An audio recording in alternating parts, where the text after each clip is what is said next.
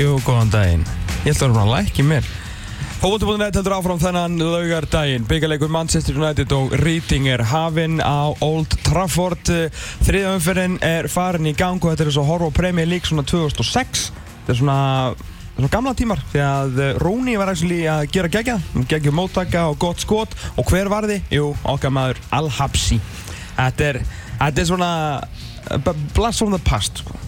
Talandu um mennska bóltan, við ætlum að núna að fara að henda okkur í annað fjórðungsuppgjör ennsku úrvalsleildarinn að tímubili 16-17 okkur vandar, uh, það er ekki fullt heimi en það er samt sem að mjög góð menn. Tryggur Pál Tryggvarsson er orðin og stór fyrir útastandi fókbólti.net í byli það er svona smá djók þegar hann er bara að hitta bróður sem er vist hérna á landinu mjög sjaldan. En í staðin er komin stórfinu þáttarins og fyrsti gestu nýs á sem múið að vera með okkur hérna nánast allan tíman. Kristján Alli Ragnarsson, talsmaður Liverpool á Íslandi og einn af pennum og ristur í kopp.is Velkomin vinnur Takk að þér Hvað segir þú? Ég sé allt gott. Eða ekki? Ég held tengslum við græsrótina og mæti alltaf í þáttin hjá okkur. Ég Þó- kann- Þó kann það að tryggvi lítið stórt á hann, má bara eiga sig þá. Hvernig voru hátíðan það þér? Uh, Ég borði alltaf mikið eins og ennilega og horfði á alltaf mikið af fótbolta eins og ennilega Ég fekk smá kvef eins og ennilega Þannig að þetta var bara allt eftir bókinu Og hvað, byrjuðu hérna gamla áskvöld. Þú ert að hlera til? uh, ég, Þetta reddaðist hérna önnur dótti mín tók upp á því að vera veik. Já. Þannig að pappi neittist til að vera heima með hana og með hana. Konu mín fór með hína dótturina í veislu. Já. Þetta, var rosalega óöppilegt sko, þannig, þannig að ég bara hafði ekkert annað að gera en að horfa á Liverpool Master Æi. Á, byrju hvað, lesar ekki svo í sokkum bara við gluggan þannig að þessi daga fyrir leika? Ég, ég get hleyjað að sér að ég veit að konu mín er pottitt ekki að lusta En þetta Heyrðu, var ég, skal, ég skal bara taka þetta á mig, ég skal vera heima með hana bara og, og hún sagði í alvörun við mig fórstu með hana fáklæta út á pallin Einmitt. með hana ég svaf til þess að hún fengi hitta eða? Hún hefði alveg trúið til þess. Já. Þetta var alltaf fárálega En svaraði spurningunni, gerðu það? Hvað segir þú, sagði? Nei, ok, ok, þetta var, þetta var, ég, ég hef mjög gaman að, mjög þetta, þetta svona, þessi, þessi dagur, þessi gamla dagur, þessi leikur klukkan 17.30, hann svona kristallaði rosalega mikið þennan sturlaða áhuga Íslendinga á, á einskúrúsleitinu því að sko við erum að tala um tveimur vikum fyrir var maður farin að heyra af þú veist, karlmönnum og kvæmunum bara í svona í stressi um svona hvað þau ætti að gera. Þetta er svona óþæglu tími því að leikurinn er ekki búin fyrir sko 1930 og flesti viljum vera að byrja að borða svona umsýju Meiri segja fólk sem heldur ekki með Liverpool var alveg bara að þetta er stórleikur Já, er að einmitt. Sleppa. Já, algjörlega, bara þú veist, ég bara líka tala um bara menn sem vildu horfa á góðan leik. Ég er langt leittur sko, ég ætla ekki að fara að þykjast yfir aðra hafin en ef þetta hefur United og City hefði ég aldrei hort sko þá, þá hefði bara verið steikinn en, en, en það var- var, var að Liverpool. Liverpool þá var þetta bara mjög erfitt sko, það var bara samvisku spurning Hva, hvort þykir með vönnum, Liverpool eða fjölskyldinu og þetta var bara tvísýnd wow. Það er svo gott að konaðin komast ekki þessu upptöku. Já, ég læti allt flekka núna ég er mikið lust Herðu, vindum okkur aðeins í þetta og við byrjum eins og alltaf uh, þegar þú kemur hérna að segja hérna Leopold fólkinu í landinu aðeins. Frá liðinu ykkar það hefur, þegar við reynum veru smá svona hyggst hér og hvar en annars bara á fínu róli 5 stöðum frá toppnum 44 stig og, og tapið helst ekki bara og meiri segja án continue Ég er bara hann leiður á þessu sko. Svo tilbreytingar lítið eitthvað bara. Er bara geðegir og, og bara leiðist þetta. Það er Já. ekki til að tala um og, Nei, nei, þetta er náttúrulega bara virkilega gaman. Og hérna maður mað treystir þessu ennþá ekki. Hérna, þetta verið svo- svona Það er komið marka á Old Trafford og hann Nei, færist nær markametinu. Wayne the Pain, Rooney. og það að er skipt strax á Sir Bobby Charlton. Býtu, hvað er þetta? Er hann búinn að það núna?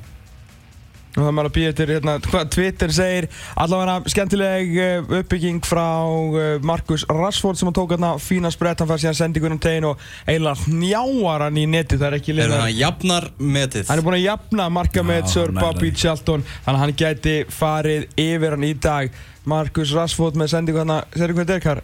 Örfætur hann þetta Nei, nei fyrir ekki, þetta er Antoni Martial sem á þennan fína sprett Hann er uh, líklega bara verið einn heima í nótt Og svo uh, fær Rúni hérna sendingu og setur þetta snirtilega í netið Já, ég segi nú ekki snirtilega, hann, hann hnjávar þetta, það var rétt hjá mér, sætti fyrir Hann skal aldrei halda þig fram að þetta nýja verið viljandi. Hann Og svo er- Bobby Charlton, herðu, hann fagnar bara í alvörunni.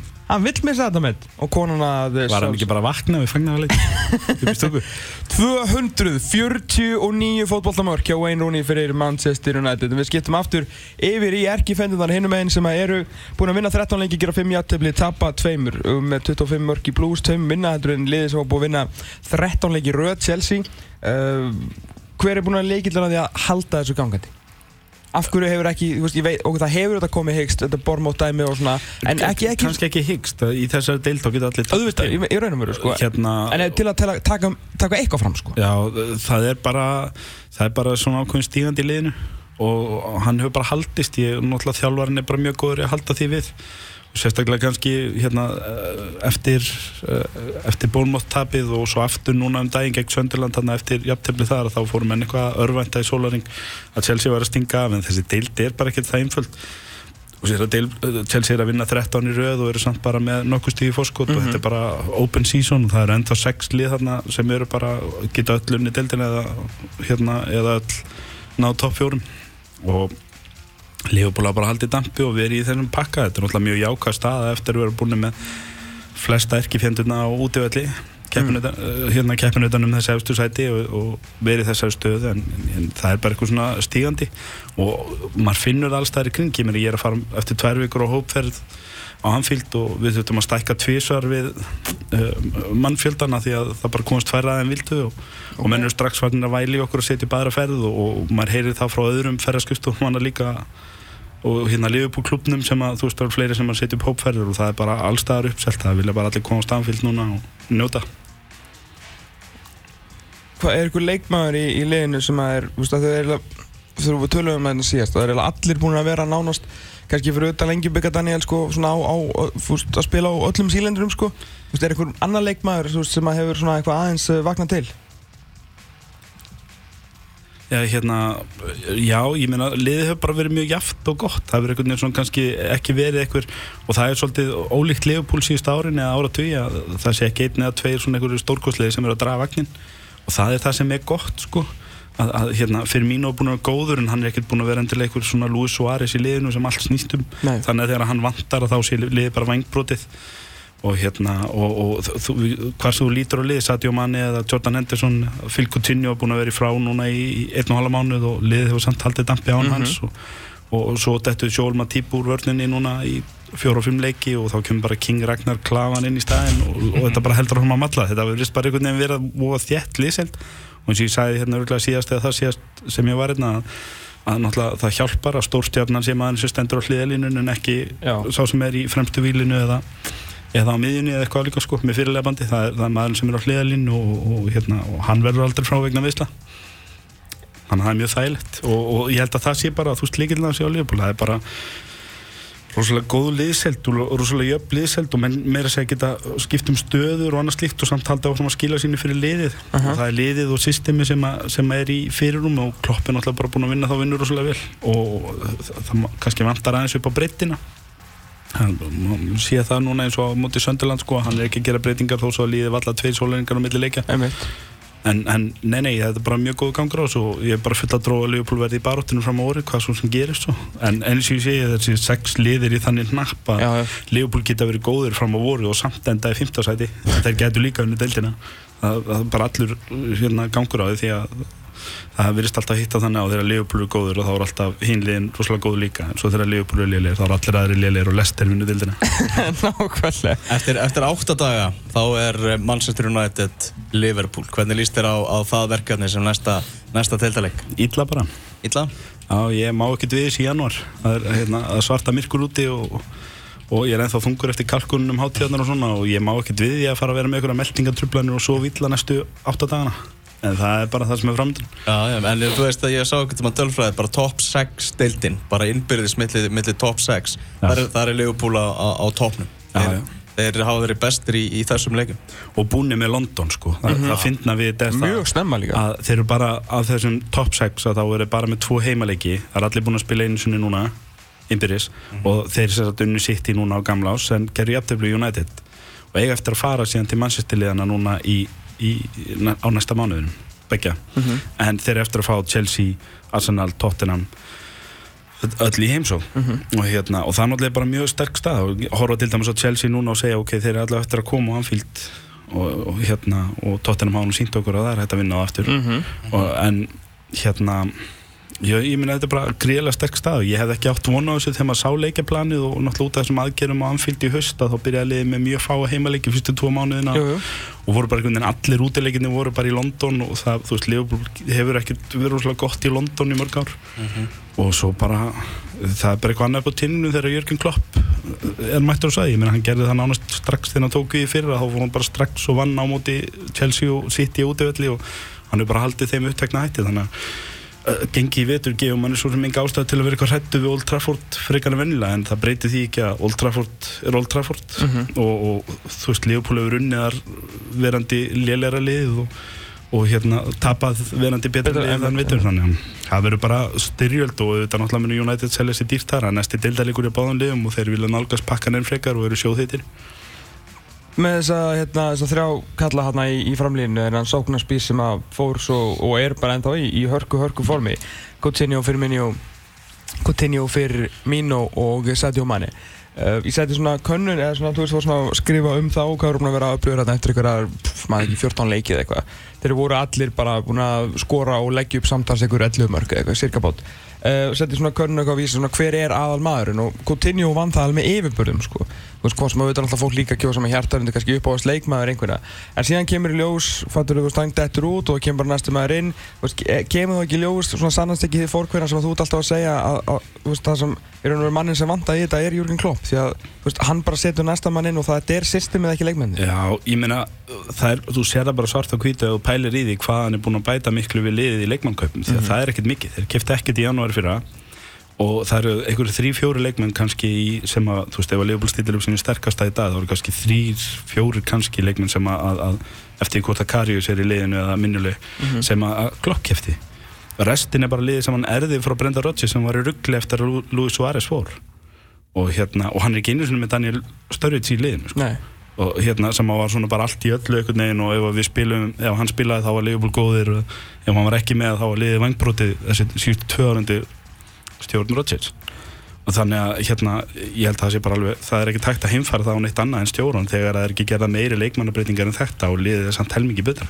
Þú talar um það hérna í, í mörg ár þú varst hérna að koma fyrst og Leopold gallur raskat uh, að það þú veist, þú varst alltaf að kalla því að það er keft einhver súperstjarnar, svona einhver stjarnar sem að voru konstið tvönulega Já, Antoni. Martial, 2-0 Já, Antoni Marcial með uh, Berbatov sendingu á hann, þriðu síðustu sendingu fyrir Marko nú er Antoni Marcial búinn að koma með yfir kerrin á tegin og setur þetta einfalt með hægri fæti í fjær hodnið Al-Hebsi ekkert sérstaklega samfærandi 2-0 Manchester United.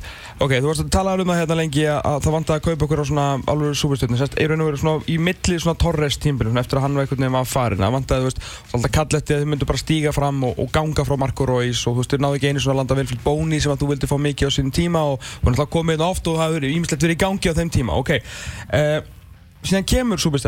sem að hérna í Luis Suárez sem er undan varð súperstjarnan hjá, hjá Leopold og þið eru einni fellu frá því að verða englandsmestrar með hann. Núna, skilur við, er engin súperstjarnan en liðið er ógeðslega gott. Myndur þú vilja fá, þú veist, droppa kannski einu Marko Róis inn í þetta til að, þú veist, þetta upp? Eða heldur að það, eða, mynd, eða, þú veist, líkur myndur, myndur freka bara vilja fá áfram svona, þú veist, Sadio Mane típur og, og, og, og treysta á systemið? Uh, ég var alltaf til í að fá súpustjórnuna sko, því að ég uh, tristi mannum á hliðalínu til að höndla það rétt. Uh, hérna hins vegar uh, ég held að við séum konni með hana nú þegar. Og ég, ég held að hafi talað aðeins aðeir hérna fyrir 13 sekundur síðan. Við- Sadio Mani er þessi maður alveg svo þegar Marco Reus var keftur í staðin fyrir aðra menn hjá Dortmund. Mm. og, og tveimur árum setna var hann orðin Marco Reus með veist, öllum stórum stöfum neonskildi og Sadio Mani er á leiðin að vera svo leikmaður hjá Liverpool sem að svona sveipa kannski úr Suárez. Suárez var búinn að vera rosalega góður í, hérna, hjá tveimur liðum í Hollandi þegar mm. Liverpool tók hann. Og sló svo ekki á Liverpool en hann var samt í rauninni ekkert að gera annað hjá Liverpool heldur en það sem hann var bara búinn að vera að gera hjá, hjá hérna, Ajax og Gróningin og Sadio Mane er búinn að vera góður núna í tveimur deildum í Európu og hjá tveimur liðum og hann er hann er ekkert að gera annað í rauninni hjá Liverpool heldur en það sem hann var að gera hjá Southampton hann bara er að gera þið betra lið sem því að hann fær fleiri margtækifæri og þú veist og það er svona meira í sókn og annað slíkt og þá kannski svona eikst en tölfræðinu Sadio Mane á hálfu tímabili er bara þannig ef hann heldur þessum dampi að þá er þetta hún súpistjarnar sem að stóru liðin vera farin að reyna að pikka frá Liverpool á næstu þreymur árum eða eitthvað Sko, hann er ekki súperstjarnar, sko. Hann er ógeðslega góður í fótbolta og ég elska hann leikmann og hann er með Já. geggjaðar tölur. En hann er bara ekki með þá áru sem er gott skilur fyrir Já, liðið. já. Að, það, þú veist, þannig að þú veist, ég, þú veist, það verður aldrei talað um hann Nei, slíkan en og það verður aldrei trubla, En sko. Fernando Torres var það ekki heldur þó, þegar hann kom til Liverpool og Luis Suárez var það ekki heldur þegar hann kom til Liverpool þetta voru menn sem voru að spila fyrir Fernando góð lið Torres var alltaf að klára stjarnar, skilur, svona uppstrákur sem tala mikið um, en ég sammála með Suárez, en, en samt ekki þannig sko, hann átti eftir að fara upp um level og hann gerði það með Liverpool Mm. og Sadio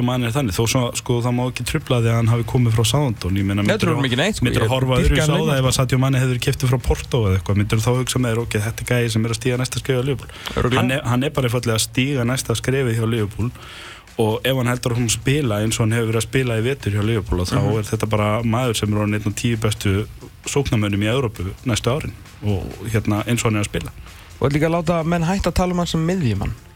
Sadio Mane, Já. Sóknamæður Já, ég, ég veit það, því að þú veist, ef hann væri talin sem miði, eða sagt, uh, framherji, bara eins og hann er Já, í Optastad, sko, Já. þá er Gilvi Þó Sigursson uh, besti miðjumæður enn skórasteldur hann síðustu tvö árin, sko. já Af því að einu maður sem við Já, fleiri það er mörg en hann er, er Sadio Mane, sko. Já, ég, sa, ég sá þá frétt og mér varst þú mjög fyndin því að Sadio Mane er yfirleitt alltaf 10-15 metrum nær markinu Einmitt. og það er mjög ósækja að ætla að byrja það saman Þú þú átt að vera að bera gilva sama við sko, hérna, hérna Juan Mata og, og Adam Lallana og, og eitthvað svoleið sko. ekki, ekki Eden Hazard og Sadio Mane og eitthvað gæði sem að fá að spila nær markinu Nei, og eru líka svona með allt keira inn á teig og... Það er- hlutar gilva að gefa á svona menn í sín lið. Nákvæmlega, nákvæmlega og svona setja inn nokkuð mörg. Tölum aðeins um, um Gilva á eftir. Þartu, þartu leikmann í janúar, leikmenn, til að uh, vinna hennar titil? Já. Hvað, vantaði? Það er eins og það er erfiðar að svara því ég, það er mig myndi langa alveg rosalega mikið annað miður Já. en í klopp er hins vegar búið að sína okkur búin að sína okkur það alveg svart að hvítu að hann er ekki að fara að kaupa bara til að kaupa þannig að hérna ef að rétti maðurinn er ekki tiltækur, ég veist að mjög sko ef að Mamutu Sakko er væntalega að fara hann alltaf hefur ekkit, ekki fengið mínúti í vetur, hann er bara búinn Mm hjá Leopold og ef að, ef að þeir eru að leifa Lukas Leifa líka að fara og svo er Tiago í Lóri að fara líka sem er búin að vera svona í varaliðinu. Mhm. að þannig eru þrýr miðverðar að fara í janúar. Mér finnst afskaplega erfitt að halda að þeir fari þrýr ef að kemur ekki miðverður í staðin og eins vel og, eins vel og minn maður var að fyrirliðin er búin að standa sér í vinstri baka þá hljóta menn að vera ennþá að leita sér að heimsklassa vinstri bakur sko. Mhm. hann er náttúrulega millinur 31 árs núna og þetta er engin framtíðalust Nei, líka með svo- ansi menn marga mílur á, á bakinu, sko, hann ætlaði að byrja 16 ára að spila, sko. örglega flestar mílur Já. hann, hann er yfirleitt alltaf búin að laupa mest alveg síðan hann var 16 ára Mm en hérna, þannig að menn hljóta að vera að leita ykkur þar og jú, jú, menn tala en þó um að láta sér dreyma um eitthvað ábameyjan eða eitthvað líka, ég, ég sé það ekki fyrir mig gerast, það er frekar að það gerist eitthvað svolítið í sumar. Ég held að það sé svolítið erfitt að ætla að fá eitthvað réttu kaliberi til að hérna í þá sóknarlínu í, í janúar, ekki nema að fara að borga ykkur að kína pinninga og Leopold er aldrei að fara að gera það. Nei, nei, nei. Hvað er úr því sem komið er, hvað er þeirru, þú veist, þú, þú ert ennþá bara guns blazing á, titilinu, menn það er ekki nástað til annars. Eh, við höfum bara að njóta þess að vera í titilbartu og ég held að Leopold menn vera að njóta þess á réttum formerkjum. Og þau formerki er einfallega þau og þetta hefur gæst þrísar á síðustu 25 árum. Og þannig að njóti þess bara. Og ef það kemur ekki vor og kemur það ekki. En það er alveg held ég, ég var svolítið vittlust sjálfur í ágúst, ég var eiginlega búin að uh, svona ákveða að njóta þess að horfa á skemmtilegt og gott liði vettur án þess að gera með vonur en titilin en það er bara í eðli stuðnismannsins að, að, að vona og láta sér dreyma um, þú veist, fyrir hérna landið hvort sem að það er hérna heima eða úti eða eitthvað að hérna, það er, er stór hlutur á skemmtuninni, skilju, við vissum öll að Ísland var að fara að tapa fyrir Fraklandi mjög líklega í sumar, en samt fengum við alveg heila viku það sem við letum okkur dreymið það og það var ógeðslega gaman. Þannig að ég ætla bara að njóta Það var þess og, náttúrulega. og hérna, ég ætla bara að njóta þess þanga til það kemur í ljós að það verður ekki af því og ef það verður af því að þá, hérna, þá sjáum við mig ekkert í sumar. Þá verður við aukstaðar leifbúrmenn það verður, að setja okkur bara á einhverja, hérna, einhver, einhverja eigu bara, það verður bara skuttlöndum leifbúrmennum í Íslandi yfir á surt segja eitthvað fyrir sumar afsaka okkur frá vinnu. En það er alltaf, það er alltaf næsta ár.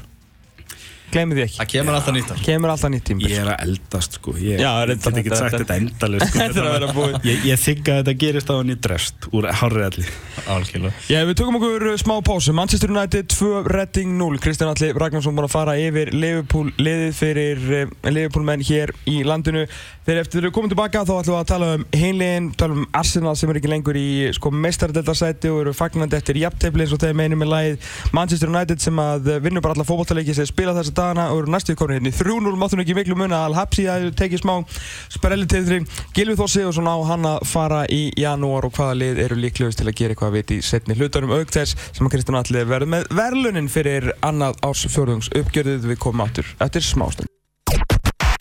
Þú ert að hlusta á fótbolti.net á exinu 977 Það er uppgjör við ennska ringborðið. Við erum að gera upp eh, annan fjórðung ennsku úrvarsteldarinnar. Elvar Geir og Tómas Þór og með okkur er Kristján Alli Ragnarsson af Kopp.is. Við ætlum aðeins að, að spóla tilbaka. Við ætlum að fara til lögadagsins 29. oktober 2016 þegar við gerðum upp umferðir 1 til 9 deildinni. Þá var einmitt Kristján Alli hérna, og einnig Tryggvi Páll sem síðar, síðar varð of stór fyrir þennan þátt.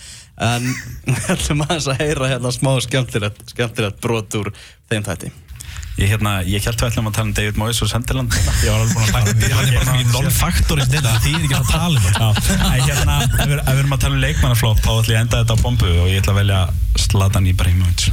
Hann er búinn og hann ekkert er indi í þess að deild sem einhver súpistjarnar lengur. Þetta er maður sem að verið dottinu við Getur United samt liðin að eftir sé árum búinn samt, þú veist, hann er kannski á leiðinni í Hann verið dottinu við United liðin eftir árum og sjáu til, múlum ekki að stuppa á honum. Er Búm! Svona... Já, já, búm, búm, búm, 29. oktober, eh, í dag er 7. janúar og Kristján, hvað ætlar að segja, segja eftir þetta? Er ég, var ég að ljúa ykkur þannig? Hver, hver á bekknum í dag í United og hver er í ringunum? ég sé ekki betur en að Rassford hafi verið að hérna, raða inn margtækifærunum á hann og Zlatan sýti bara í, í traksút Það er hárreitt þér. ég, ég líka aldrei stokkar Næst markaðistur í, í Premier League, Zlatan Ibrahimovic í dag. Já, já, en það ég er búinn að, ég búinn að fá þetta óþvegið á samfélagsmiðlunum að hafa sett til lofti ég valdi hérna mörgum United mönnunum andökunótum og ég tek það á mig og byrja stafsökunar en þetta var bara of gott tækifæri til að sleppa ég að fá að koma hérna í miðri markaþur hjá honum. Ég, ég get svo sem alveg uppljóst að því núna ég var náttúrulega búlsýta allan tíman hérna, ég var bara með ykkur hérna fyrir borðu og ég eh, veit að Tryggvi hann, hann skautaði hérna út á götu eftir ég sagði þetta. Við viljum líka, við viljum fá þetta var alveg, saman hvað Tryggur reynir að halda fram á, á Twitter að þá, hérna, þá var hann alveg brjálað sko. hann bara, hann bauð mér hérna út í húsarund og veit ekki hvað, nei, nei. En, en þetta, var, þetta var gaman að fá að koma hér inn og segja þetta í miðri markaþjörð og, og það er búið Og að líka, taka mig se- líka sérstaklega þegar við vorum að tala um á hana hérna, að því að sama dag náttúrulega á hann markalösa leik leik börnleg og þú veist það gengur ekkit og bara á hann Já. þessa klippu hérna sem hann handabrýtur Tom Heaton og Þetta, já, ég minna hann er alltaf bara kongur, hann skorað mörg alls þar sem hann er og það er ekkert að fara að breytast fyrir hann bara hann hættir hann enna því, sko. Menn tala alltaf um hvað Rúni er hann gamall og þreyttu kallgreið og annars líst Slatan er búin að þessu síðan og rúlingur og Mhm. ég sá nú ykkur að tölfræði gæri eða hinn að hann hefur bara mist af hvað, bara 40 leikjum eða eitthvað allan ég ferilinn, sá það líka sko. Svakalegt því líkur skrokkur á og aldrei mittur og, og hérna og hann er hvað, þreymur árum eldri eða eitthvað eldri en Rúni og, og það sé ekki högg að vatna honum þó svo að Rúni eigi að vera orðin uh, með göngugrind og, og hjólastól og svona sko en, Sko, ég- ég- þannig að ég- þetta er náttúrulega bara alveg leikmaður en ég hafði virkilega gaman að því að, að hérna pyrra United menn, ég hef aldrei náð United mönnum svona vel þannig ég þakka kærlega fyrir mig. Til þess að nú, en nú leikurinn gerður. En festu smá svona hattur út á það? Að ég hvert sinns, já, hann er nú skora ófá mörkin síðan, ófá mörkin síðan og Hvernig- ég, hvernig ég fa- hef alltaf fengið bara, já já, nú er Zlatan búin að skora enn eitt. Hvað segir þú þá, sérfræðingur? Innan gæsa bara, Sérfæðingur á sunnan? Já, Það var haflað fyrir þetta? Já, ég er um blað þekkt þetta líka sko. Þetta er Já. mjög pyrrandi sko. Já það ekki. Ég, hérna, Bæðið með Jack Wilson hérna um árið þegar ég ætla nú að fara að ringja á laurugluna Þetta var svona löngu hægt að vera að finna á sjöndu viku sko. Þú veist, ég var að gegna Jack Wilson sem að kom sér í ljós að ég hafði náttúrulega 100% rétt fyrir mig sko. Já, Var bara, þú veist, á undan minni samtíð. Já þannig að þú ert ennþá býja eftir að það komi ljós og hafi rétt fyrir það með Jordan Henderson þá, Nei, sko, ég, eins og ég sagði, ég er alveg tilbúin að, að hérna, þú veist, að ég geta það honum á einhverju tímúti en, en að það sem ég var aðalega að tala um svona, var yfir hæp, þú veist, á, á manni, þú veist, sem að, og svo, og svo þessi stóðsending þegar hann settar hann á milli fraktskipana sama kvöldið, sko, stærsta hóla í sögu bara og vörðni hans skórastleitinu og sjálfsögur fór Leopold bara kórun á hliðina, sko, Já. en ég bjóst líka við og ég, ég veit að það er mjög gaman að Það bránaði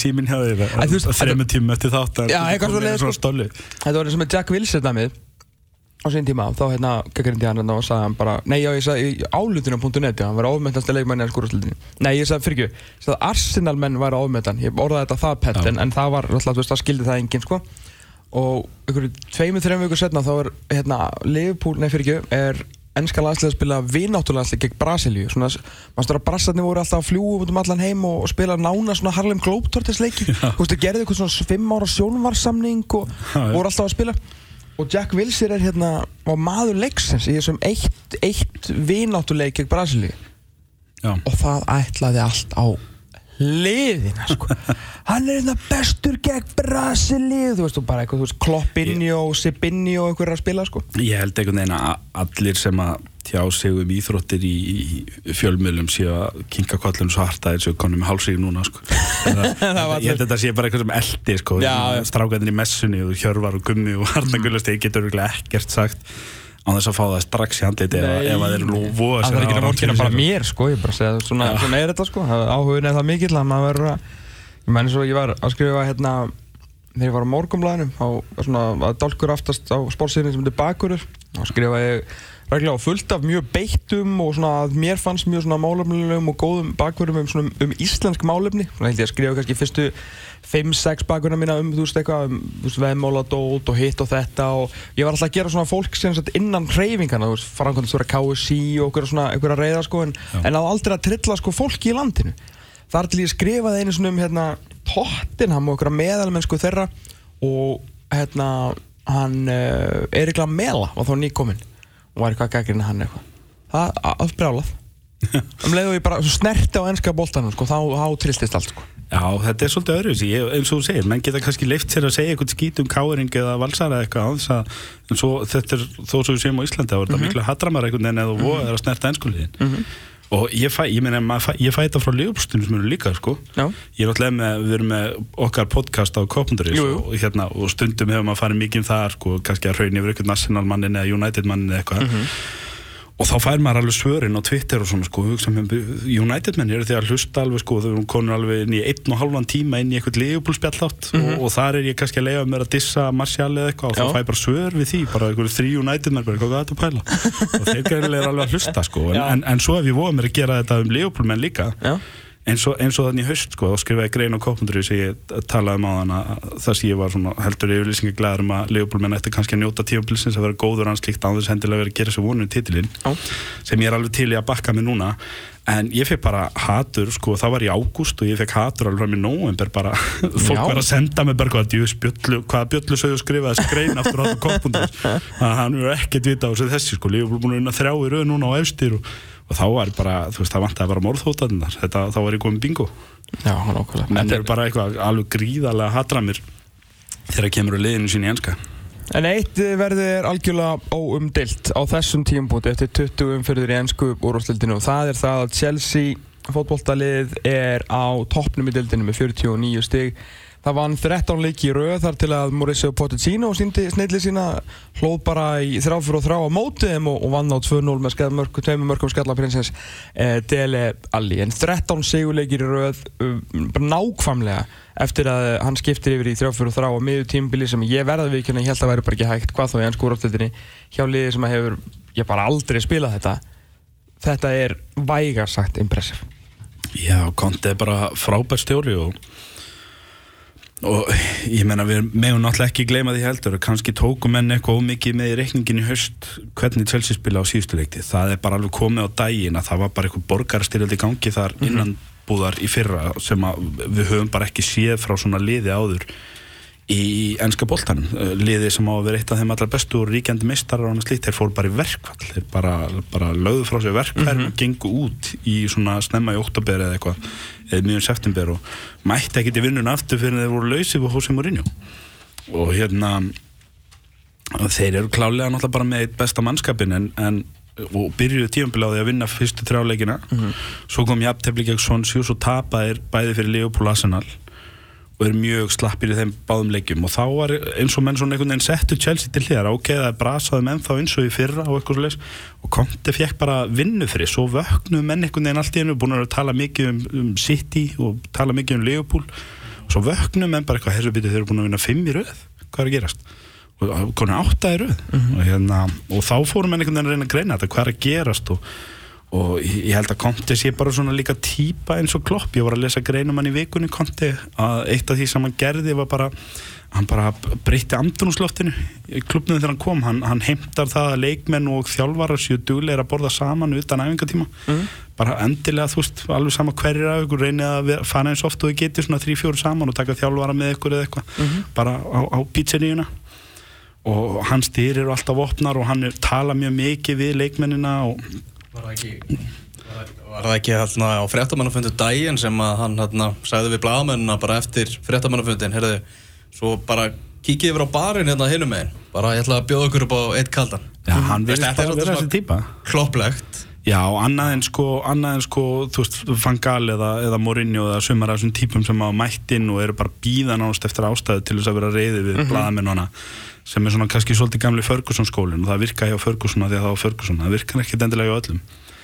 Og þetta finnst mér bara að vera mjög hressandi einhvern veginn að, og, og andrúsloftið að því að nú hef ég oft haft sennilega mest óbeitt á Chelsea sem klubbi af öllum klubbum, jafnvel meira heldur en United endilega það er bara einhvern veginn mjög hressand að sjá svona jákvæðinina sem stafa frá Chelsea í dag. Það er líka minna vesen, það er minna vesen á pöllunum og þú veist, það, það er engin svona þessi rugghegðun sem hefur verið og, og það er einhvern veginn jákvæðin bara í kringum klubbin og annað, ég held að ég, þekki eitt Chelsea mann sem að ég veit er alveg í skífunum með bæði gengið og, og bara stöðun á klubbnum í dag, svipað og kannski við Leopoldmenn með, með klopp.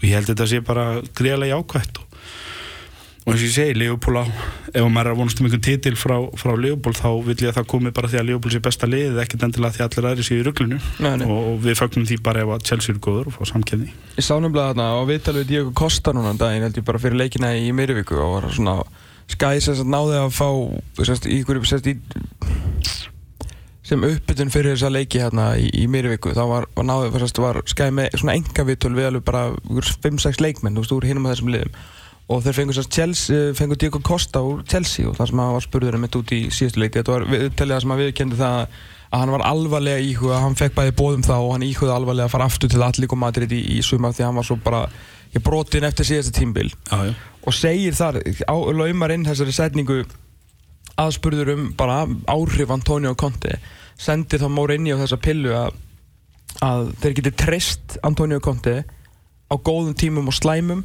og hann sé maður sem hægt er að tala við. Skilur, þetta eru rosalega stór orð frá manni sem að segir vanalega ekki raskat í bala sko. og er mjög sko, hann er ekki miklum tengslum við tilfinningar sínar Diego Costa svona, allavega af því sem að ég þekki hann sem fótballtamaður sko. þannig að þegar hann segir eitthvað svona í raun og veru það var enginn að, þú veist, þeir voru ekkert að fiska þannig svona ef maður skildi spurninga, þau vildi bara Já. vita hver er áhrif Antonio Conte hann kom með alveg sínu eigin frumkvæði eigin og frumkvæði, sko. ég, ég, ég skil bara leikmenn mjög vel Já, já. með þjálfar og, og leikmenn finna þetta líka þegar liðinu gengur illa og þeir hafa kannski séð og, og, og þá, það má kannski, ég get alveg ímyndað mér til dæmis að leikmennin hafi öðlast mesta tröstið á konti þegar liðið tapaði fyrir Liverpool Arsenal back to back í september því að viðbröð komti við því voru, ég man til dæmis sérstaklega eftir Liverpool-leikin, hann tók það bara á sig. Hann bara fór í pontu við, fyrir fram blamin og sagði bara ég klúra þess mm. ég þarf aðeins að hugsa minn gang. Það sem ég er að gera er ekki að virka og ég þarf aðeins að vinna í þessu. Og hérna, og hann bara tók þetta á sig skilur, og hérna, og ég held að fyrir leikminn hafi það alveg örglega verið mjög hressandi að, að sjá, ok, heyrðu, við erum í þessu saman, skilur, hann ætlar ekki að kasta einu með tveimur okkar fyrir úlfana eins og sumir stjórar hefðu gert nefnum ekki nöfn. Hérna þegar að menn tapa og, og, veist, og það er það sem að leikmenn vilja sjá. Ég, get alveg vel ímynda með það að, hérna, að það sé eitthvað sem að líka bara fái leikmenn til þess að þú veist gefa þetta auka 2-3-4% fyrir konti á hliðalínu Mm. Svo höldum áfram að tala um stjóra því að það eru jú skerustu stjórnur en skórastildarinnar í dag. Allir, allar auðlýsingar og öll vegspjöld það eru bara menn í, í, frökkum og jakkafötum ekki í fótballtamúningum Eitt þeirra, Pep Guardiola Sko ég verða að viðkjöna það Ég hef bara lúms gaman að því að, sjá þennan gæja sem er búinn að vera sko tók við Barcelona skilur, það var fyrsta starfið það er engin, það er engum dettur í huga að kasta á rýrðar sem hann er búinn að gera fyrir fótboltan, fyrir Barcelona og minn, hann vann þess að þrjá titlan með Bayern þó hann fari ekki einu sinni, einu sinni í Champions League Finals. En þetta er búið að vera þægilegt hjá í, frá því hann hófstör sem aða þjálfari Barcelona Já, já. það má ekki mikið út að bregða núna og meiri þess að núna síðast eftir sigurleik á hann eitt vandraðalegasta og aulalegasta viðtal sem ég hef séð í langa tíma sko. Já, og þurfti að byggja blagamannin afsökunar eða fréttamannin afsökunar eftir á að hvað, hvað hann var undir þar ég meina þetta, Þetta, er þetta ekki svolítið svona bara svolítið svona prófa að ennsku úrástöldin er bara the real deal eða þú ætlar að sanna þessum stjóri ég hef alltaf sagt mér finnst spænsku liðin tvö stóru Mm. og mögulega jafnvel þíska stóru liði líka og kannski Dortmund á köflum vera betri heldur en liðin í Englandi. Já, já, ég held að þú tæki Real og Barca yfir í ennska boltan þá myndu þau vinna deildina 8 af hverjum 10 tíumplum ég held að alveg Þau tvö saman myndu öruglega að vinna bara 10 af 10 sko. Já, þau myndu skipta myndu, þetta er svo Já. ógeðslega góðlega en það náttúrulega kemur til að því að ójöfnurinn er svo fárlegur ég hef Mhm. alltaf sagt líka, sko, tækir neðri 10 í Englandi og neðri 10 á Spáni og settu í deild að þá eru þau 8 af 10 efstu væri frá Englandi. Af því að það er jafnara og það þýðir það að þú getur ekkert liftir einhverja, æ, þetta er bara eibar á heimaðli eða hverjir er að, sem að real er að vinna núna í einhverju skótaðingu þetta er, þetta er spænska deildin, þú er bara með eitthvað real Madrid-lið og þeir geta bara lift sér að taka Granada með vinstri. Bara aftur og aftur og aftur og svo er mann að spara sig þangað til að kemur á þessum þremu, fjóru leikjum sem að skipta máli og í Englandi getur þetta bara ekki. Og það er engin tilvölin að Pellegrini setti stiga með, með Real Madrid og kom svo til England svo, og þetta var bara svona brasján, hann náði samt að vinna deildina en svo var hann alltaf í Það er líka bara góður stjóri. bara góður stjóri og ef menn heldu að hann var ekki nú góður fyrir sitt í þá eru örgulega margir og örgulega Pellegrini eitt þeirra sem að brosi svolítið svona í kampin núna yfir þessu brasi á Pep því að Pep er bara að reyka sig á það þetta er bara alls ekkert gefið og þetta er ekkert auðvelt Og Pellegrini Englandi líka þar sem að þú getur aldrei tekið frí þar sem að hver leikur er þannig að þú ert ekki 100% að þú bara taka börnleiðu og vinna þig. Mhm. Eða, eða, eða Svansi eða Sönderlandi eða hvað sem liðið heitir. Meira að segja vonlöfslega liðin eins og, eins og mann finnst húlsíti eða eitthvað vera núna. Þú vogaði samt ekkert að vera neitt annað en 100% á móti svona lið. Mér Pellegrini líka lendi í alls konar bastli og eins og segir, hann vann deildir einu svona þreymur árum ekki, var ekki þrjú tímbil uh, og hérna náttúrulega vissulega var maður sem fór með og lóksir alltaf minnstakost í semifinalin Champions League. En það var fullt af vesinni sem var alltaf þeir unni ekkert alla leiki og það var svona vesinnis tímbil en alltaf held hann kúlinu sko skilur eins og, og, og hann var búinn að vera veist, og ekki er næstur saman fyrir, hann er svona meiri bildir ég menn hann var herra maður Já. spáði því að Leopold vildi ekki Pellegrini að þeim var útlendingur og reyði Rói Hodgson í staðin árið 2010 en ég ætla ekki að fara þá nei. þá verður- þá verður þátturinn fram að minnati en ég meina snúum sér við Já. og segjum okkur að Arsene Wenger hefði farið til Spánar eins og var mjög nálægt í að gera þegar að hérna, eftir 2006 þegar þeir töpuðu í úslitum með stæðildarinnar Mhm. ég, ég veit ekki hvort það var komið fram skýrt eða hvort það var svona í að að í eitthvað tímann sem ég las að ef hann hefði unni meistardildina með Arsenal þar þá hefði hann kannski farið og svona leita á nýmið en að því hann vann það ekki þá fannst hann ekki geta farið. Ímyndaður ef Arsene Wenger væri búinn að stýra Real Madrid síðustu tíu ár. Hvers konar góðsögn í fótboltanum við værum að tala um þar. Efast einhver um það að Real væri bara búið að slátra spænsku deildinni síðustu tíu árin ef Arsene Wenger væri búin að stjóra þess alltaf erfitt að segja þetta þú veist, út af Pep mæti með Messi og Barca sko. Já, en ég skil nákvæmlega hvað það fara Já, en, en ég meina, þú veist, En við erum kannski svolítið lituð í Englandi af því að lið eins og Arsenal sem er ógeðslega vel rekin klúbbur og flottur klúbbur með frábæra leikmenn og geggjaðan þjálfar að, hérna, sem ég hef oft gaggrínt að það sé svona eitthvað mental blokk hjá honum að þeir ná aldrei að klára svona andlega að komast yfir múrin og vinna deildin aftur. Að hérna að þú bara, þú veist, þú getur aldrei tekið frí, þú, eins og við sáum hjá Arsenal núna gegn Bormóð, þér er bara refsaðu og vogar þeir eiga slæman hálftíma og hérna og einn ástæð fyrir að koma tilbaka er bara Já. er að því þess að þú segir, þeir eru bara nógu góðir. Og fyrir viki þá er Arsene Wenger sem að, með öll sín afreik og það sem hann gerði mann gleymaði stundum hvað hann gerði með Arsenal hérna fyrir rúmum áratug. Hann er orðin svona hálger grínfíkur einhvern veginn í Englandi, menn bara gera grína hérna úlpunans og talandanum hans og eitthvað svona sko og ekkert breytist hjá Arsenal eitthvað sluðis eins og þetta sé bara eitthvað djók þessi árangur sem hann er búin að ná með Arsenal þessi stöðuleiki sem hann er búin að ná hjá þeim í gegnum árin og hérna og ég segi bara, þú veist, síni mér eitthvað stjóra á Spáni eða Þískalandi sem að myndi ná sama stöðuleika eða eins og Ferguson gerði eða, eða það nárangur sem að hérna Mourinho hefur verið að ná á Englandi og, og, og fleiri ég meina, og, og það, er ekki, það er bara ekkert fyrir alla að koma í þessa deild. Þess vegna kannski er það svo impressive að bæði Klopp og Conte skulu koma til Englands og báðir svona hit the ground running eins og sagt er bara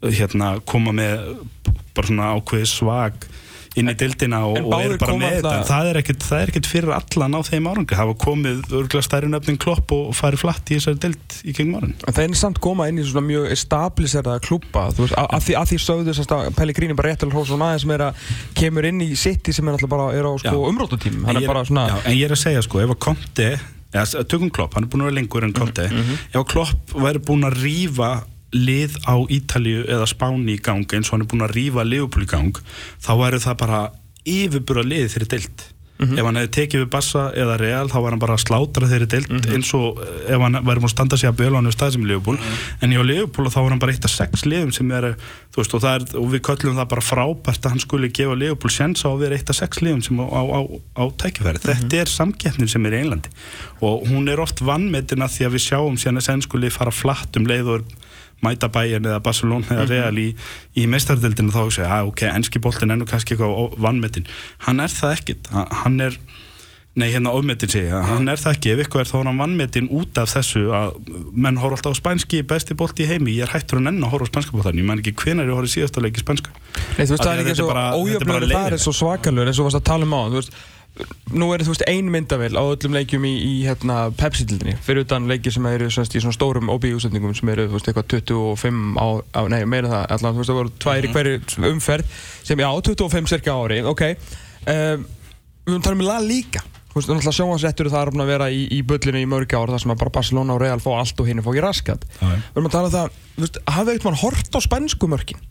Já, maður eru dóttið inn á það Já, það er bara fullt, fullt, fullt af leikjum Þú veist, Eibar Granada. Þú veist, hérna, þessum móti þessum og, og hérna, Svona hörku skemmtilega fótballtaleik en það er til dæmis þar Bara til að gefa eitthvað svona smá dæmi og tala smá bransa að þarna er bara ein myndavel á leikjum í La Liga Þú veist, það er bara single cam þetta, er ekki, þetta er ekki sínt beint Já. og þetta tekið upp á mörgum og stundum þú veist, missa þér svona semja mörgum ég sé fullt á svona bara sprelli sem sagt, svona coverage frá, frá leikjum Já. í svona í neðri hluta La Liga þegar maður er að horfa á spænsku mörgin mm -hmm. skilur af því að það eru bara ekki settu peningur í þetta Ójöfnurinn er svo mikill að maður hefur verið að lesa greinar að- um það að þegar að Real Madrid kemur í heimsó ef að það er svona klubur eins og þú veist Granada eða Eibar eða eitthvað Mhm. sem að rekkur upp í laga líka og er að spila þá eru menn bara ekkert með aðstöðu til þess að taka á móti öllum upptökubúnaðinum og annars sem þarf þegar Nei. Real Madrid er að koma eins Nei, að því menn eru bara vann eins og þú segir bara Pepsi-deltinni skilja að vera bara upp á gámi að, með myndavölu og eitthvað sko.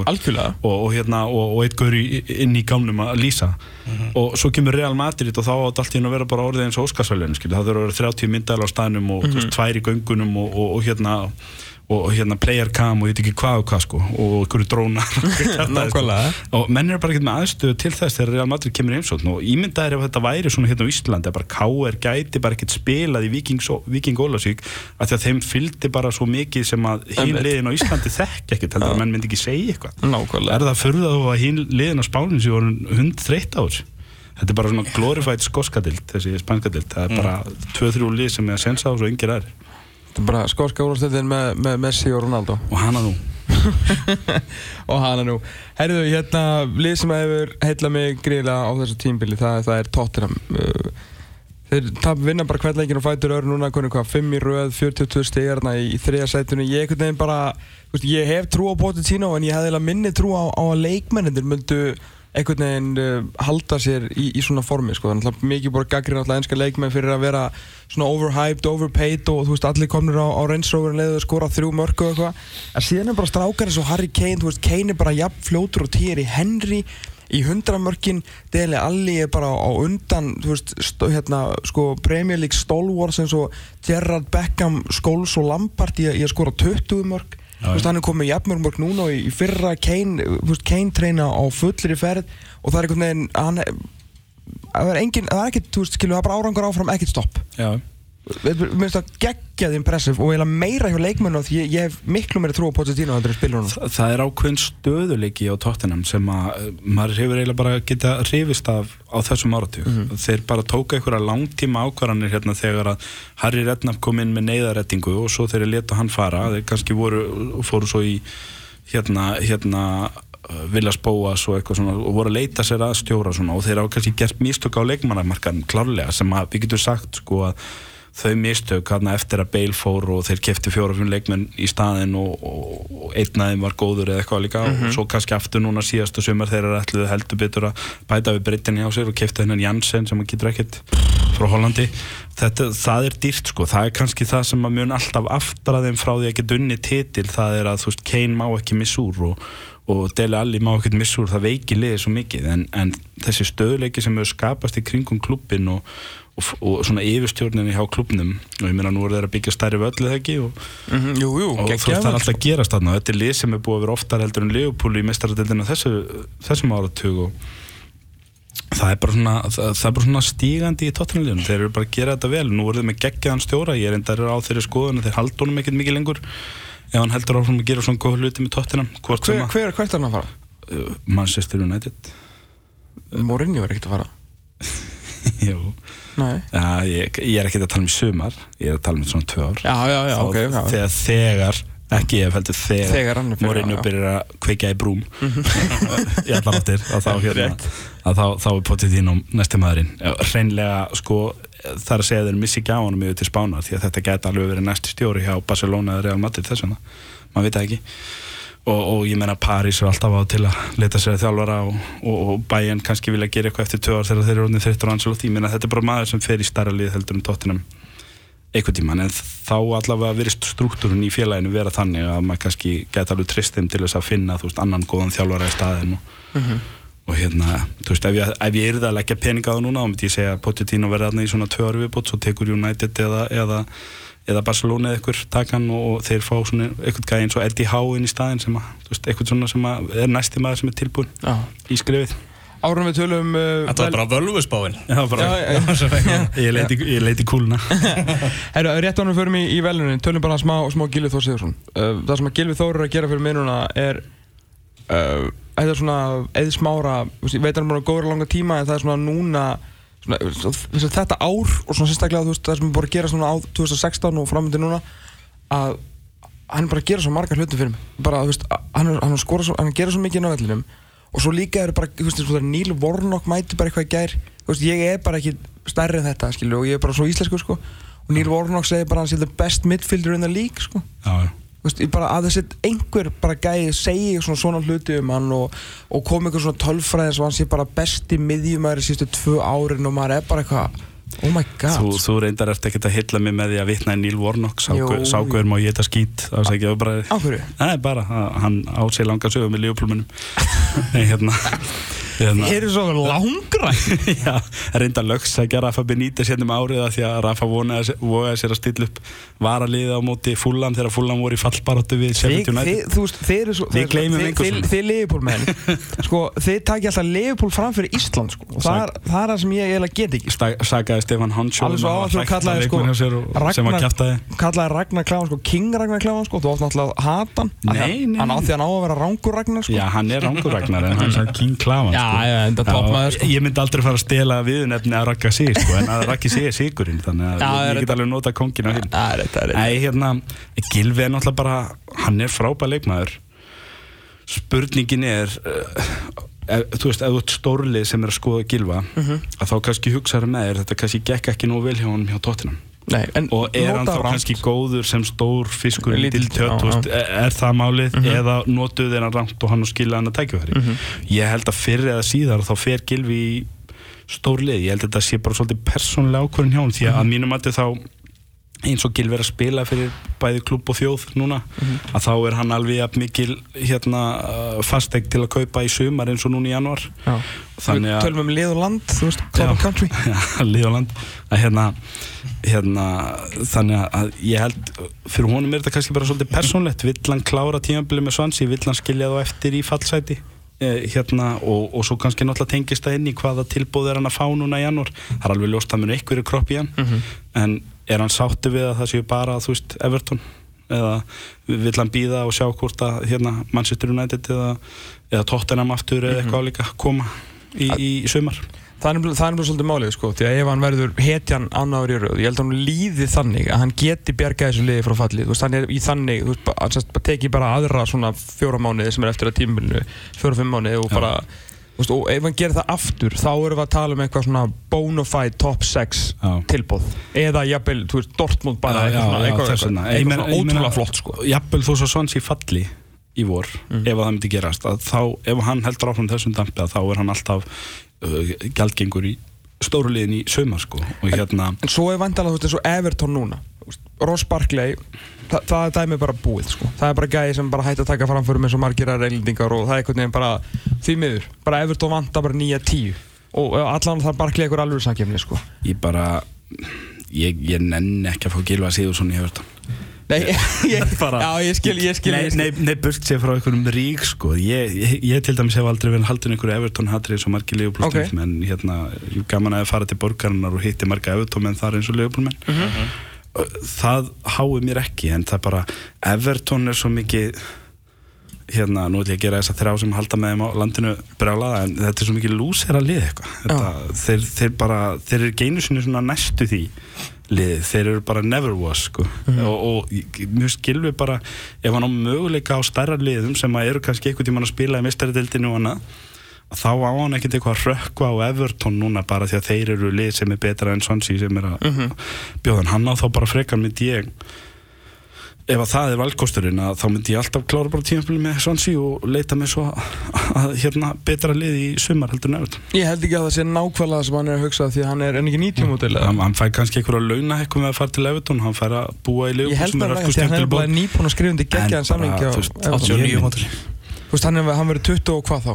7 ára, sorry? 8 ára? bara fari alveg Hann, verður líka að fara að spila í Champions League sko. Það í hlýta að alvöru lítur að draumurinn sko. ég meina, akkur ekki og, og hann getur alveg eins farið aftur til Þískalands eða yfir til Fraklands eða eitthvað, hann er alveg leikmaður sem á heima í hvaða del sem er. Ekki spurning. Og, og verið reglulegi í Champions League með, með hérna, þú veist, Leverkusen eða, Mhm. eða hérna Monaco eða eitthvað, hann, hann á það allt inni ef hann vill það, Herðu, velunin ekki verið að sofa tímanum í Evertón Nei, já Ég er þetta alveg, alveg samanlega ég, hann, hann verður að fara í Champions League lið núna næst sko Hann verður að taka núna þrjú, fjögur tímbil í, í, í meistaradeldinni Herru, hvað baði ég um að koma með? Lið, sérst, tókstu lið sérst, nýju, sérst, þá 10 til 20 eða season so far? Bara season so far en Já. þetta er náttúrulega vola kaplaskipt Já. ég, ég hérna, hnoðaði saman í lið núna og ég ger átta breytingar frá því síðast Já, þannig að við getum í rauninni kallað þetta lið sko 10 til 20 eða eitthvað líka sko. Ok. þetta er náttúrulega vola kaplaskipt Ok, það og er svo- að koma að inn leikmenn sem að kannski voru ekkit endilega uh, sömur aðeim voru kannski nálægt í að vera í lið hjá mér síðast en, en sömur aðeim koma svona out of nowhere inn í liði núna kerfið Æ, ég held mér bara við sama kerfi til að geta búið saman leikmenn við erum ekkert að breyta því, það. Er fjóru, þrjú, þrýr Allt í leið Þá byrjum við á, á markverði. Lóris Karius. Nei, tíma minnuleg maður Mínum mínuleysi Nei, nei, Hugo Lloris er í markinu en þá enda, enda Tottenham en þá með Gefðu okkur bara þess að þeirra sem að heldu stöðun sín.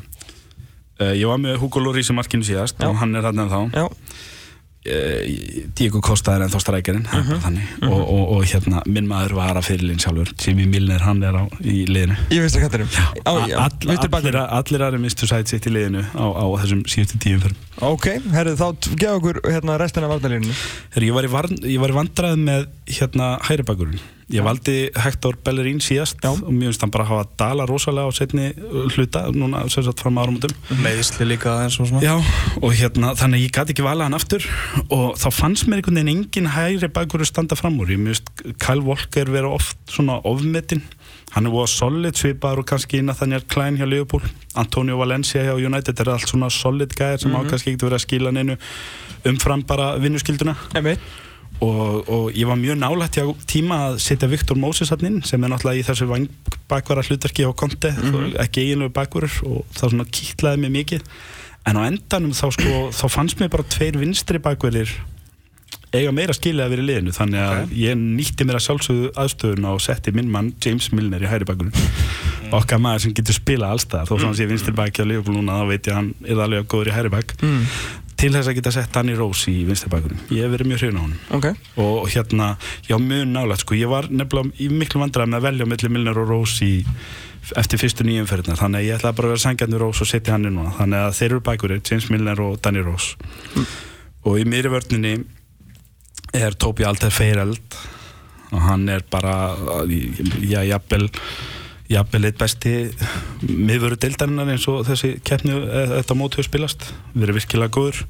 Ég var náttúrulega með minn mann Sjólma Típ í liðinu síðast en hann hefur verið í meislavandræðum og svona kannski öllítið dalað þannig að hann dettur út og Mustafi hjá Arsenal líka. Og ég vildi setja eitthvað Chelsea mann inn það er samt svolítið erfitt að velja Chelsea mann í vörnina uh, þegar maður fyrir að skoða það því að þeir, veist, þeir fengi á sig bara fjögum mörki á, á þessari 13 leikja sigugöngu þannig til að tóttina skoru tvö á þá núna í vikunni.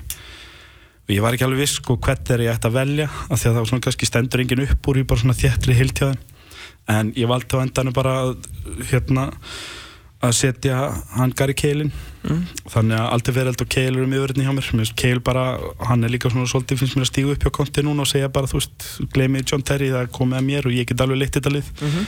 Og, og, og framistæðan hjá Chelsea í vetur ber þess alveg vitni að hann megi alveg bara vera lítirinn í þessu lið. Þannig að það er vörnin hjá mér, það er Loris uh, James Milner, Aldrei verið Keil og Danny Rose þetta er náttúrulega aðalega Chelsea og, og Spursar Jú. enda tvær bestu varnindar í deildinni vissulega Þryggja mann á miðja Þryggja manna við, já. Þar var ég, gerði hérna, breyting á síðustu stundu síðast þegar ég tók minn mann Henderson út eftir að við erum múin að rífa stuðum og setti Viktor Vanjama inn. Og ég ætla bara að halda mig við það. N'Golo Kant er að gera mikið tilkall hann inn. Hann er alltaf búin að vera frábæri á Chelsea í vetur. Og það er ekki tilvölun að maður sem á líkillin í mistaralið fyrra er líkillin í liðinu sem eru efstir í ár. En Vanjama, ég er bara svo ógeðslega hrifin á hann. Er bara búin að vera svo góður. Þannig að ég hef hann þarna og, og hérna Henderson og, og Kanti verða bara að sitja spækir á bekknum og vann ég að maður inni og það var nú einn United sem að senda á mig strax á þann og ég er að hafa Paul Pogba með og hérna, jú, Pogba er búin að vera frábær í desember og ef hann heldur áfram á þessum dampi, hann virðist svona að vera komin í gang hjá United og þá náttúrulega kemur hann til greina í kannski næsta uppgjör og svo loka uppgjör en, en, en einn mánuður dugir ekki til þannig að hann er ekki að með Vanjama þá er ég með mannin sem er búin að uh, skapa flest færi og, og hérna er með sem sagt held ég öruglega flest uh, mörg skástrygg stóðsetningar ef við leggjum það saman að miðumunum í vetur. Og það er minn maður Adam Lallana. Hann er bara líkilmaður í öllu sem Leopold að gera þess að dagana og er líka búin að stíga alveg sérstaklega mikið upp eftir að Coutinho hvarf. Og svo hérna hérna kannski að verja liða eins ef maður skoðar þessi top 6 ég meina United er í sjötta sæti með nýju Stefán Skott og Everton. Liðin fyrir neðan Everton og niður og þetta er ekkit eitthvað hérna um auðan Nei. garða grisið þarna sko. Hérna það er ekki mikið að leiknum sem að maður geti vali í svona úrvalslí ég meina Gilvi er búin að vera góður en það er bara aðri sem eru búin að vera kannski ennþá betri. Hérna, þú veist hérna Benteke er að skóri á Palas en hann náttúrulega ekki séns í Kosta Nei, nei, nei. og veist, það er, það er alls konar svona. Þannig að ég átti vandræða með að reyna að finna einhverja leikmenn þar úr sko. En á endanum þá fann ég einn og það er Mistari Joe Allen. Hann er við Jæja. Það er að sækja einn þarna. Brósef Allen, það er þriðið miðumæri minn með, með Lallana og Vanjama þetta er alltaf miða sem myndi slátra þessar deildaður væri samanlið sem að segja manni það að Leopold átti að halda Allen í sumar og kaupa Vanjama það er bara það sem að hefði til að gera. Herru, þryggjum hann að stofnulína Við veitum að kostaði fram með en út á vangjunum eru Eden Hazard og, Já, það er bara þannig, það er ekkert hægt að sleppa þess og Sadio Mane. Nei, ég er nefnilega væri vandræði með þetta. Ok það er afskaplega sárt að þurfa að skilja Sadio mann eftir eins frábær hann hefur verið og hann var í liðinu hjá mér í, í, í síðast ökkjöru Mhm. en ég held að það er bara glæpur að þú ætlar að velja einhvern annan en Alexis Sanchez í þetta lið Mm. þannig að ég, ég skoðaði sko tölfræðina og ég er náttúrulega gríðarlega hrifin af, af, af Sadio Manni sem er með nýju mörg og fjóra stóðsendingar í þessum hérna í þessum umferðum sem eru búna sem er bara geggjað hjá leikmanni sem er að koma nýr inn og er á kantinum hjá Liverpool Mhm. en hann hérna Sanchez er með 13 mörg og 7 stóðningar þannig að og hann er að spila svona veist, af kantinum og inn á línna akkurat eins og Hazard og manni gera. Þannig að tölfæðin er bara betri á Sanchez og hann er örgulega ef eitthvað er meira svona MVP fyrir sittlið heldur en manni er fyrir Leopold það er að segja að þeir sakna hans meira heldur en og ég er allavega að vona það heldur en Leopold kemur til með að sakna manni næsta mánu en þannig að Alexis er minn maður. Besti leikmærin Bestur. Besti leikmaðurinn hinga til? Um, Eden Hazard.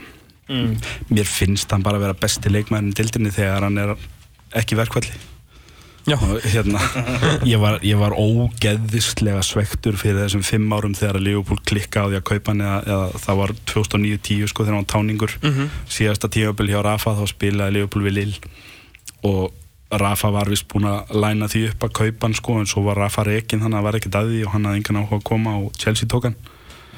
Og ég bara sé ennþá eftir því það er orðin hvað 6-7 ár síðan. Og hann er bara ógeðslega góður og hann er búin að vera þannig í vetur ég gæti alveg valið Kosta líka sko. Ég gæti valið Alexis eða Viktor Vanjama Engolo Kanti, það eru margir sem kom til greina. En, en ég myndi skjóta á Hazard hann er bara svo ógeðslega góður En hver er þá allir mestu vonbröðum þegar að maðurinn sem er akkurat skjánu núna próf svona skemmtileg upp í síðustu, tómánu hérna? Já, þú meina hvernig ætla ég að hérna, reverse Já, núna? já, hvernig er vörst yngur núna? Herru, eh, ef við þá ekki að skjóta okkur Liverpoolmann sem að vera skjóð heitar Þeir eru allir svo góði. hérna, ég fór að hugsa þetta mér finnst engin, þú veist, það hafa verið svona nokkuð kaup sem hafa kannski klikkað og eitthvað svo leiðis en það hefur engin verið eitthvað, þú veist, alveg með allt lóðrætt Nei. sem þessari deilt ég ákvaða að velja í þetta skipti hérna mann sem að mér finnst að hafa verið borgaður allt og mikið peningu fyrir og eiga ekkert erindi í það hlutverk sem að verið er að færa honum hjá einu stærsta félagi landsins og einum ríkasta klubbi í heimi ég ætla að velja John Stones Já. Ég, ég bara, Mjög ég, gott val sko. Já, ég ég- get ekki séð fyrir mér eins og Pep Guardiola vill spila fótbolta að John Stones sé maðurinn sem á að byggja í kringum hjá City Þetta Þó svona hafi þetta á kostað náttúrulega að vera hann- hans sko. Já, þú veist, þó svo þetta hafi kostað alla þessa peninga síðasta sumar þá, ég bara, ég sé það ekki fyrir mér ég, það þarf eitthvað mikið að breytast til þess að John Stones verði, þú veist, eitthvað kingpin spilandi miðvörður í, í hápressuli hérna Pep Guardiola. Já, ég held að það sé bara hárið þér. Uh, undan þess að 50 miljonir þetta var, uh, já, veit, já, það er ekki þannig að meina að segja um það. Þetta var Þetta á að vera Guardiola Masterpiece að gera John Stones að, að einhverjum svona ennskum Gerard Piqué sko. Og það bara verður aldrei. og hann náttúrulega verður maður leiksins næstu tíu leikir auð fyrst ég sagði þetta en ég óska að sitja mönnum til hann ekki með það. Og það farið ég bara á toppinn út af því. Herru, við þurfum að fara að slá botnin í þetta. Kristján Allar Ragnarsson, takk hjá fyrir komuna. Já, uh, var vonandi að Tryggvi Pál Tryggvason sá sér farti að mæta í, þriðja fjóruðansupgjörið en skórastildinni